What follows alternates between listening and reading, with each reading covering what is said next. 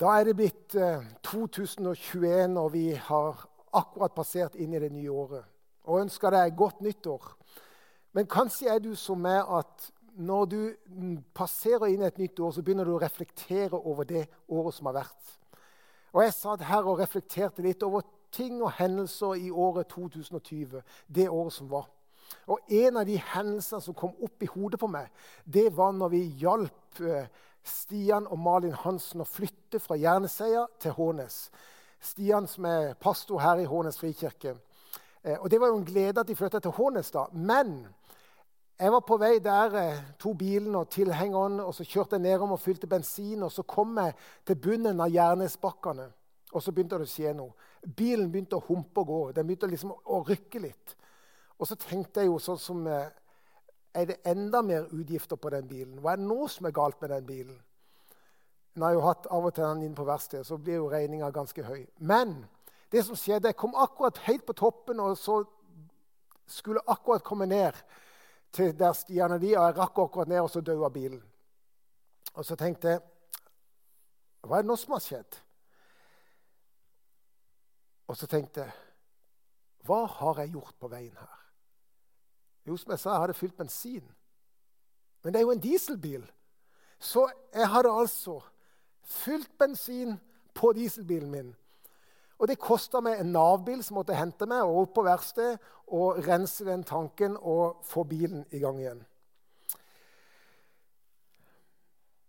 Kan du tenke deg noe så dumt? Jeg vet ikke om du har gjort noe sånt. Men det satte i gang en refleksjon i meg i noen tanker i forhold til faktisk det som har med etterfølgelse av Jesus. Gud har en fantastisk design for våre liv. Og Misjonsbefalingen lærer oss at det kristne liv handler om å være en disippel, en etterfølger av Jesus, en lærling. Han vil lære oss å holde alt det han har befalt oss. Han er veien, sannheten og livet. Og Det er faktisk interessant at det forekommer tre ganger i Bibelen ordet 'kristen'. Mens disippelordet forekommer 267 ganger i Bibelen. Og Av og til så hører jeg mange som er kristne, snakke om at ja, det humper og går, dette kristenlivet. Det er liksom så stor distanse mellom det Bibelen sier, og det som jeg opplever er virkeligheten i mitt liv. Eh, det var liksom ikke sånn jeg hadde forestilt meg det kristne Det er så mange ting jeg ikke får til, og Gud er fjern, og det er så mange ting som er vanskelig, osv. Eh, kan det da ha skjedd litt som jeg opplevde? Det som har med bilen En har begynt å fylle feil drivstoff. Så håper en og tror at bilen kan fungere på bensin når den på en måte er designa for å gå på diesel. Det hjelper ikke å klage på bilen når en fyller bilen med de feil tingene. Bilen var ikke bygd for å fungere i forhold til det som jeg fylte på den.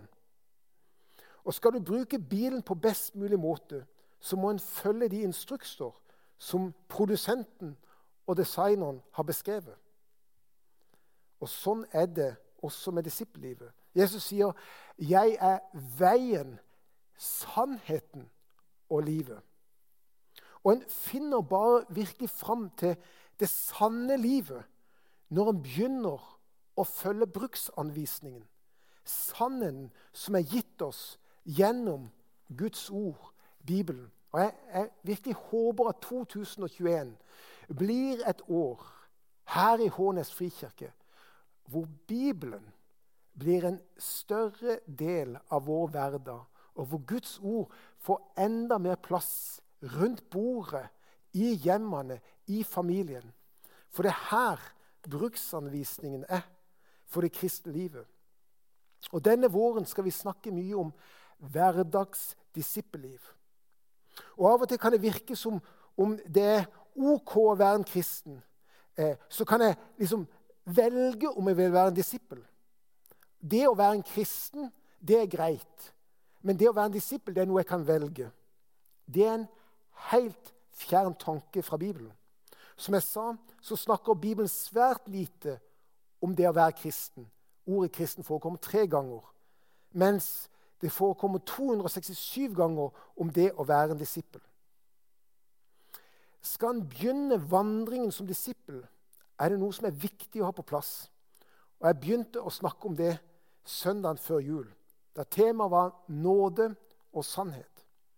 Og Har du ikke hørt den første talen, så utfordrer jeg til å gå inn og høre den talen som jeg hadde om nåde. Den er på vår webside. Gå inn og hør. En kort repetisjon før vi går videre. Når Jesus starta sin tjeneste, så kan vi lese i Johannesevangeliet, kapittel 1, vers 14, der han skriver følgende. Og Det er det jeg har prøvd å illustrere. Jeg snakker om ei vektstang der det er en balanse, og der det står om Jesus som var ordet som ble menneske og tok bolig iblant oss. Og vi så hans herlighet. En herlighet som den enbårne sønn har fra sin far, full av nåde og sannhet. De så hans herlighet, full av nåde og sannhet. Når Jesus uttrykker hvem, og skal uttrykke hvem Gud er, så er det gjennom nåde og sannhet. Hvis disipler av Jesus skal gi et gjenskinn av Gud, av hvem Gud er i denne verden, er det gjennom nåde, radikal nåde, men også radikal sannhet. Når Paulus etter en lang tjeneste skal forklare hvordan den nåden At faktisk er nåden nok for ham. Og det gjør at han kan leve med både sine svakheter og faktisk kan de bli til styrker. Så forklarte jeg og snakka om det ordet sist gang, som Paulus skriver i 2. Korinterbrev. Min nåde er nok for deg, for kraften fullendes i din svakhet.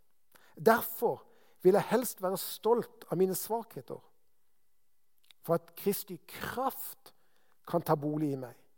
For når jeg er svak, da er jeg sterk. Og Jeg snakka litt om nettopp den Guds nåde sist gang, som gjorde at jeg kunne takle mine svakheter uten å gå i mismot. For det faktisk så kjenner Jesus alle mine tilbøyeligheter, all min synd, alt hva jeg og hva jeg gjør. Så jeg kan nåden omfavner både svakhetene mine, sånn at jeg slipper å gå i mismot, og styrkene mine, så jeg slipper å gå i hovmod. For jeg vet at alt det jeg har, alt hva jeg gjør, all suksess, alle styrker, hva en får til, det er i grunnen bare Guds nåde. Det er nåde å få lov til å tjene Gud. Og Nå har jeg lyst til å ta deg litt, litt dypere inn i denne sannheten om nåde og sannhet. Og jeg har lyst til at det, vi skal gjøre det gjennom historien som er henta fra Lukas evangeliet kapittel 15. Og Kanskje har du hørt den historien mange ganger. Men jeg håper at jeg kan brette den ut for deg på en litt ny måte. På en måte så tror jeg disse to sønnene som far forholder seg til, representerer realiteten i hvordan mennesker forholder seg til disse to ting nåde og sannhet. Og La oss lese de innledningsordene til den historien. Jesus sa en mann hadde to sønner. Den yngste sa til faren, 'Far, gi meg den del av formuen som faller på meg.' Så skifta han da eiendom mellom dem. Og ikke mange dager etter solgte den yngste alt sitt og dro langt, langt bort. Der sløste han bort formuen sin i et vilt liv. Jeg vet ikke detaljene i forhold til hvordan denne sønnen levde, men det beskrives som et vilt liv. Og broren anklager han her seinere til å være en som dreiv hor. Hva skjedde med sønnen? Jeg tror det er mulig å gjøre en liten omskriving av noen av versene i kapittel 1 i Romerbrevet for å faktisk beskrive det som skjedde med sønnen. Der står det i Romerbrevet kapittel 1 Han brydde seg ikke om å kjenne og ha fellesskap med sin egen far. Da lot far sønnen bli overgitt til sin egen sviktende dømmekraft. Så han gjorde slik som ikke sømmet seg. Hans liv ble fylt av all slags urett og umoral, grådighet og ondskap, misunnelse, mordlyst, strid, svik og falskhet, sladder og baktalelse. Han hatet sin far, brukte vold, var overmodig og brautende og pønsket ut ondskap og hadde vært ulydig mot sine foreldre. Uforstandig, upålitelig, ukjærlige og ubarmhjertig. Dette er beskrivelsen av mennesket som blir overgitt til seg selv. En litt omskriving av Roberevet, kapittel 1, vers 28-31. Men jeg tror faktisk det var det som skjedde. Rett før Paulus her i Romerbrevet beskriver det Paulus på følgende måte i vers 25. De byttet ut Guds sannhet med løgn og tilba og dyrket det skapte istedenfor skaperen. Det som skjer med sønnen, er også det som Timoteus beskriver hva som skjer med, og kan skje med alle mennesker. Og Han beskriver litt om hva som skjer i tida etter Jesu oppstandelse, de siste tider. For da skal menneskene være selvopptatte, pengegriske, brautende, hovmodige, spottende, ulydige mot foreldre, utakknemlige, uten respekt for det hellige. Ukjærlige, uforsonlige, baktalende, ubeherskende, rå og ondsinnede. Svikefull, oppfaren, innbilske. De elsker nytelse høyere enn de elsker Gud. Og begge versene fra Romerbrevet og fra Paulus brev til Timoteus beskriver det som Paulus kaller menneskelige, naturlige gjerninger. Eller kjødets gjerninger. Eller det kan også skrives som dette.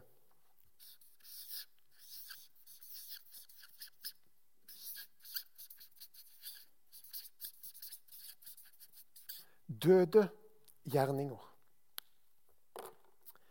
Det er alle de gjerningene som stjeler livet fra dermed. Det er de gjerningene som ødelegger og skaper smerte for deg sjøl og de menneskene rundt deg. Paulus beskriver disse gjerningene også i Galaterbrevet og i Hebreerbrevet som døde gjerninger. Som kjødets gjerninger, eller det som ligger naturlig for mennesket. Det er det som skjer når mennesket blir overgitt til sine egne lyster, sin egen sviktende dømmekraft. Og Galaterbrevet sier det er klart hva slags gjerninger som kommer fra menneskets indre, fra det som er naturlig for mennesket. Det er hor, umoral, utskeielse, avgudsdyrkelse, trolldom, fiendskap, strid, sjalusi, sinne, selvhevdelse, stridigheter, spittelser, misunnelse, fyll og festing og mer av samme slag. Vi har sagt det før, og jeg sier det igjen. De som driver med slik, skal ikke arve Guds rike. Og så tenker du kanskje Det var da veldig pessimistisk Øyvind ble nå. Det var da veldig mange ord og beskrivelser av det negative. Jeg prøver bare å beskrive det som skjedde med sønnen når han forlot far, og far lot han gå. Tenk, far lot han gå. Han sløste bort formuen. Han levde et li vilt liv. Men det kommer et vendepunkt, og det beskrives på følgende måte. Da kom han til seg selv og sa, 'Jeg vil bryte opp.' 'Jeg vil gå til min far og si:" far, jeg har syndet mot deg, mot himmelen og mot deg. Jeg fortjener ikke lenger å være sønnen din. Det står om det bortkomne sønnen at han kom til seg selv. Han erkjente sin egen situasjon. Han innrømmer det for seg selv. Han vendte om. Han erkjente og bekjente. Hør her. Uansett hvor langt du er gått bort fra Gud, så vil det være som den historien. Gud, din skaper og far, vil alltid, alltid stå og vente. Om du gjenkjenner deg i disse beskrivelsene som er sagt, og som jeg tror også denne sønnen ville ha gjenkjent seg Om du har gjort alt det som er ramsa opp i disse bibelversene, eller kanskje bare kjenner deg igjen i noen små ting av de døde gjerningene som er beskrevet, så er det én som venter på det. For det står Da han enda var langt borte, fikk faren se han og han fikk inderlig medfølelse med ham. Og han løp sønnen i møte, kastet seg om halsen på ham og kyssa ham. Det er alltid en vei tilbake. Men den, sannhet, men den veien begynner når vi erkjenner sannheten. Jesus sier, 'Jeg er veien, sannheten og livet. Guds godhet og nåde møter deg først når du kjenner er sannheten om deg selv. Din synd, din skam, dine feiltrinn. Og kommer og ber Gud og mennesker om tilgivelse. Uten erkjennelse, bekjennelse og tilgivelse vil en aldri vil en aldri erfare et frigjørende liv i etterfølgelse av Jesus Kristus. Vi kan ikke kjenne Gud uten omvendelse. Og Det er kanskje det jeg har lyst til å skrive her. Og det er det ordet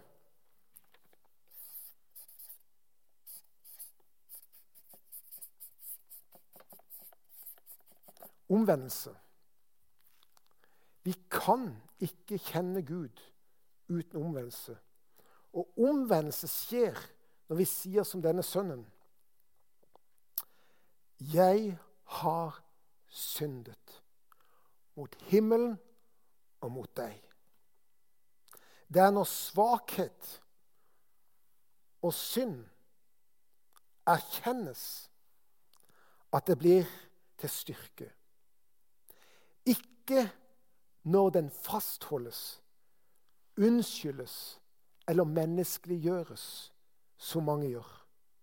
Det fører ofte bare til mismot. Man kan leve et liv og kalle seg kristen uten å leve i omvendelse. Men det er ikke et liv som Bibelen snakker om. Og du vil aldri erfare den frigjørende kraft det er å leve sammen med Gud, din skaper, uten omvendelse. Det er som å prøve å kjøre dieselbilen på bensin. Det kommer til å stoppe opp. Og så lurer på han, hva er det som er feil. Og så er det jo bare det at en kjører bilen på feil premisser. Det er faktisk diesel som må på han ikke bensin. Jeg husker forrige tale, når jeg snakker om nåde, så delte jeg en historie der jeg var nesten utbrent. Og en, grunn, en av grunnene til det var at det var noen som hadde gjort noe ganske på en måte, Gjort et overtramp mot meg. Og jeg hadde satt seg en bitterhet og en utilgivelse ganske dypt inn i livet mitt. Jeg hadde noe imot. Jeg holdt noe imot en annen. Og så fortalte jeg dere i sist tale at eh, det jeg gjorde, det var at jeg gikk til en sjelesørger, en veileder. Og Kanskje trenger noen av dere å gå til en sjelsørger og veileder etter denne talen. Men det jeg gjorde, jeg gikk til den, og så begynte han å snakke med meg og stille meg spørsmål. Og så begynte han å pirke inn i livet. Og så skjønte jo han at her sitter det utilgivelse, bitterhet. Øyvind Augland har noe imot noen annen. Og den er ganske kraftige følelser. Så når jeg begynte å snakke om den personen, så kom følelsene opp. Og så ser han med et sånn mildt blikk på meg og sier, 'Øyvind, du må tilgi. Du må gi slipp på. Det er synd. Gud har ikke behag i dine holdninger og din bitterhet og din utilgivelse. Vend om. Og fra begynnelsen tenkte jeg wow, jeg har jo rett til å være så sinna. Han har jo virkelig gjort Og jeg kjente følelsene komme ut. Men han bare smilte og sa, 'Du må vende om. Du bare ødelegger deg sjøl.' Og så fikk jeg gå en prosess der jeg fikk erkjenne og bekjenne og omvende meg. Og så er det jo på en måte sånn livet er hele tida. En gang så husker jeg, og kanskje vil noen si jeg sliter med det fortsatt, og da er det kanskje det det er. Jeg er av og til litt for positiv. Jeg er litt sånn, sier det som er sant, og så kan si overdriver litt. Litt ekstra. Og Jeg kjente en gang som Gud pirka i meg og sa Øyvind, det der har ikke jeg behag i. Det syns jeg ikke er bra. Og Jeg måtte rett og slett snakke med noen som var ganske tett på meg, og si Kan du ta meg i hvis du merker at jeg overdriver? For jeg ønsker å la være. Jeg ønsker å snakke sant. Jeg ønsker å snakke fakta. Og så hjalp han meg. Og så ble jeg ansvarliggjort i forhold til noen av disse svakhetene. Men istedenfor å unnskylde, så gikk jeg og erkjente og bekjente. Linda og jeg har fire barn. Og Jeg vet ikke hvor mange Gud, ganger Gud har pirka i meg og sagt du, det sinnet ditt det har ikke jeg så behag i. Det ødelegger relasjonene mine. Gå og be om tilgivelse. Gå og snakk med. Gå og gjør opp. Det du sa der, det vet jeg såra Linda. Det såra en av barna. Gå og gjør opp. Gå og snakk med dem. Og så mange ganger har jeg måttet gå til mennesker og si kan du tilgi meg? Når jeg sa det, så merka jeg. Vet du, det er fantastisk å få lov til å hver dag leve i omvendelse. En ungdom kom til meg og sa, 'Du, jeg har ligget med kjæresten min.' Og jeg spurte, 'Ja, og så hva?' 'Hvorfor sier du det til meg, som er pastor?' Å ha sex med, kjæresten er jo naturlig for, dere som er, for det som er et ungt menneske.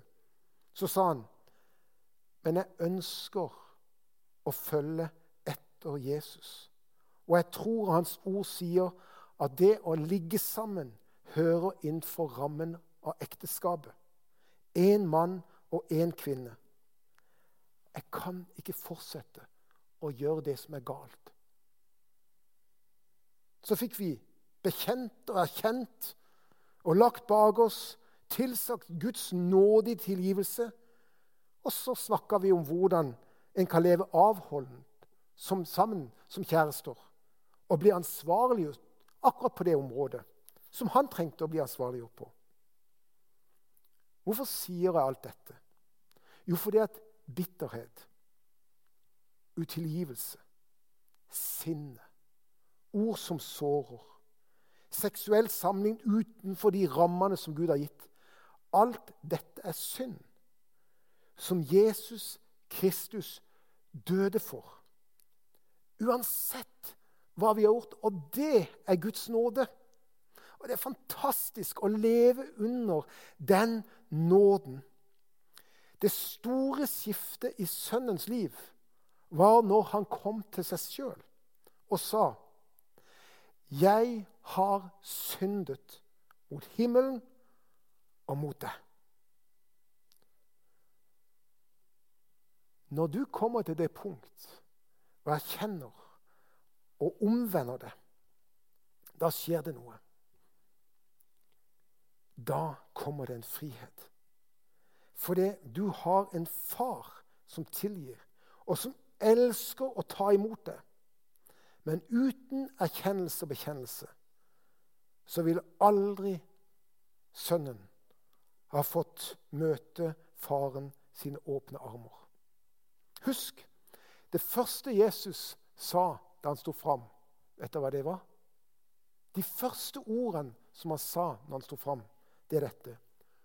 Omvend dere, for himmelens rike er kommet nær. Matteus 3,2. Og i Markus 1,5 sier han tiden er fullkommen. Guds rike er kommet nær. Omvend dere og tro på evangeliet, de gode nyhetene. Og på første pinsedag sto Peter fram og sa, 'Vend om og la dere døpe i Jesu Kristi navn, hver og en av dere, så dere får tilgivelse for syndene, og dere skal få Den hellige ånds gave.'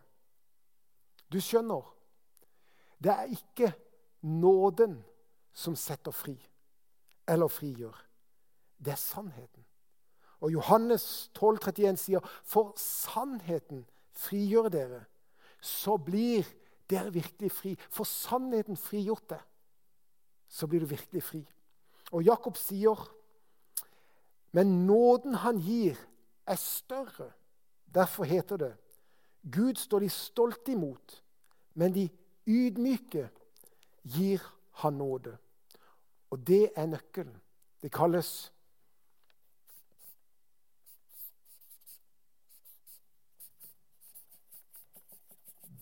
ydmykhet. For ydmykhet er veien til omvendelse. Sann ydmykhet, det er å gi Gud rett. Og det er bare den som ydmyker seg for Han, som vil erfare nåde og tilgivelse i møte med Gud og med mennesker. Nåde uten omvendelse, etter sannheten, setter ingen mennesker fri. Nå tenker du kanskje bare på at jeg snakker om den ene sønnen. Ja, jeg bare snakker om den ene sønnen. Vil du møte den andre? Det var en sønn til i den historien. Far hadde to sønner. Når den første sønnen, den yngste sønnen kom hjem fra sitt utsvevende liv, så lager far en stor fest for sønnen. Han er kommet hjem etter å ha sløst bort hele arven og levd et vilt liv. Broren er ute på markene og arbeider. Og faren ber han komme inn og ta del i festen. Og her er svaret som sønnen gir. Men han svarte faren. Her har jeg tjent deg i alle år. Og jeg har aldri gjort imot ditt bud. Men meg har du ikke engang gitt et kje, så jeg kan holde fest for vennene mine. Men straks denne sønnen kommer inn og kommer hjem, han som har sløst bort pengene dine sammen med horer, da slakter du gjøkalven for ham. Og Kanskje representerer denne sønnen den jevne nordmanns største utfordring og problem i møte med den levende Gud. Det kalles selvrettferdighet. Det handler ikke om døde gjerninger, men det Bibelen kaller lov lovgjerninger. Ikke dødgjerninger, men lovgjerninger. Lovgjerninger er det som du må gjøre i ditt liv for å tilfredsstille Gud og andre mennesker. Det er alt du prøver for å si og vise at du er god nok. At du har gjort nok. At du er prektig nok. At du er flink nok. Det er et ork og et slit uten like. Det er religion på sitt verste. Behovet for å rettferdiggjøre seg selv. Selvrettferdighet. Paulus er eitrende sint på de som prøver å rettferdiggjøre seg sjøl. Han skriver i Galaterbrevet Men da vi innså at et menneske ikke blir rettferdiggjort av lovgjerninger, men ved tro på Jesus Kristus, da trodde også vi på Kristus Jesus. For å bli rettferdiggjort ved tro på Kristus og ikke av lovgjerninger. For at ikke noe menneske blir rettferdiggjort av lovgjerninger.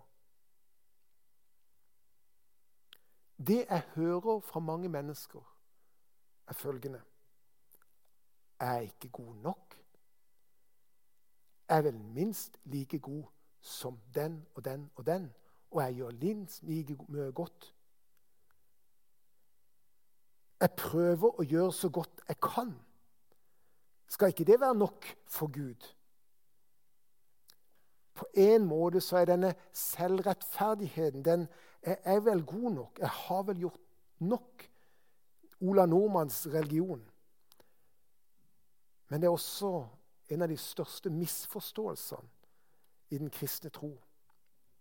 Selvrettferdigheten. Bibelen kaller det lovgjerninger. Og det er her denne sønnen havna.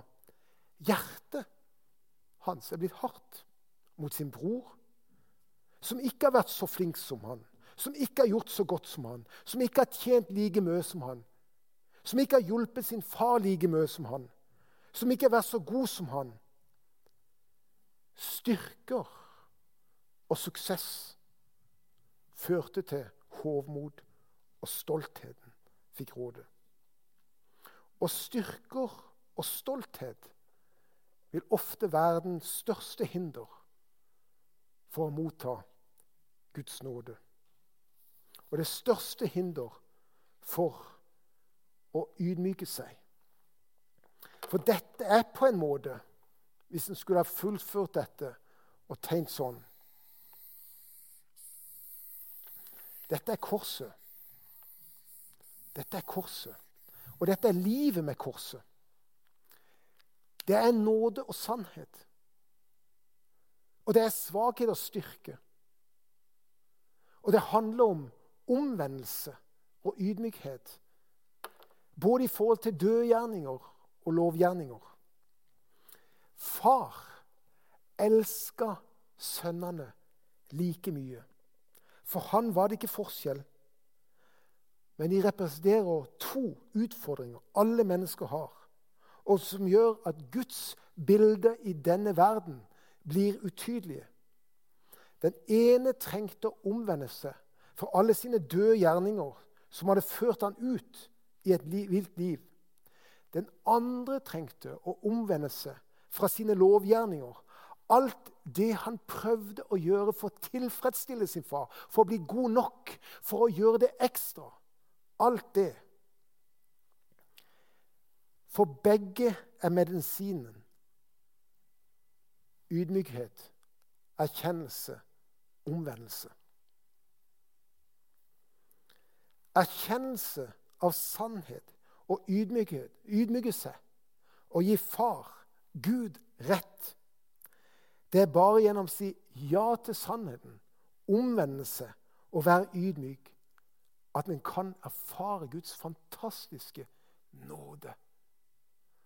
Sønnen kunne han levd der videre i sitt ville liv hvis han ikke kom til det punktet der han sa 'Jeg har synda'. Du kan fortsette med dine døde gjerninger og ødelegge din familie, ditt ekteskap, dine vennrelasjoner, ting på arbeidsplassen og primært sett for deg sjøl. Mens Gud står der og vil vise deg nåde. Det står noe om at den ydmyke gir han stor nåde.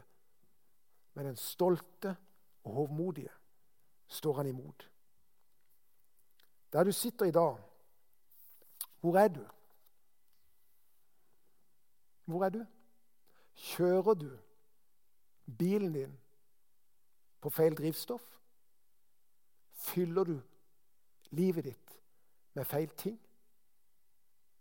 Har du skjønt at det drivstoffet som er basisen for det levende kristenlivet, det er dette.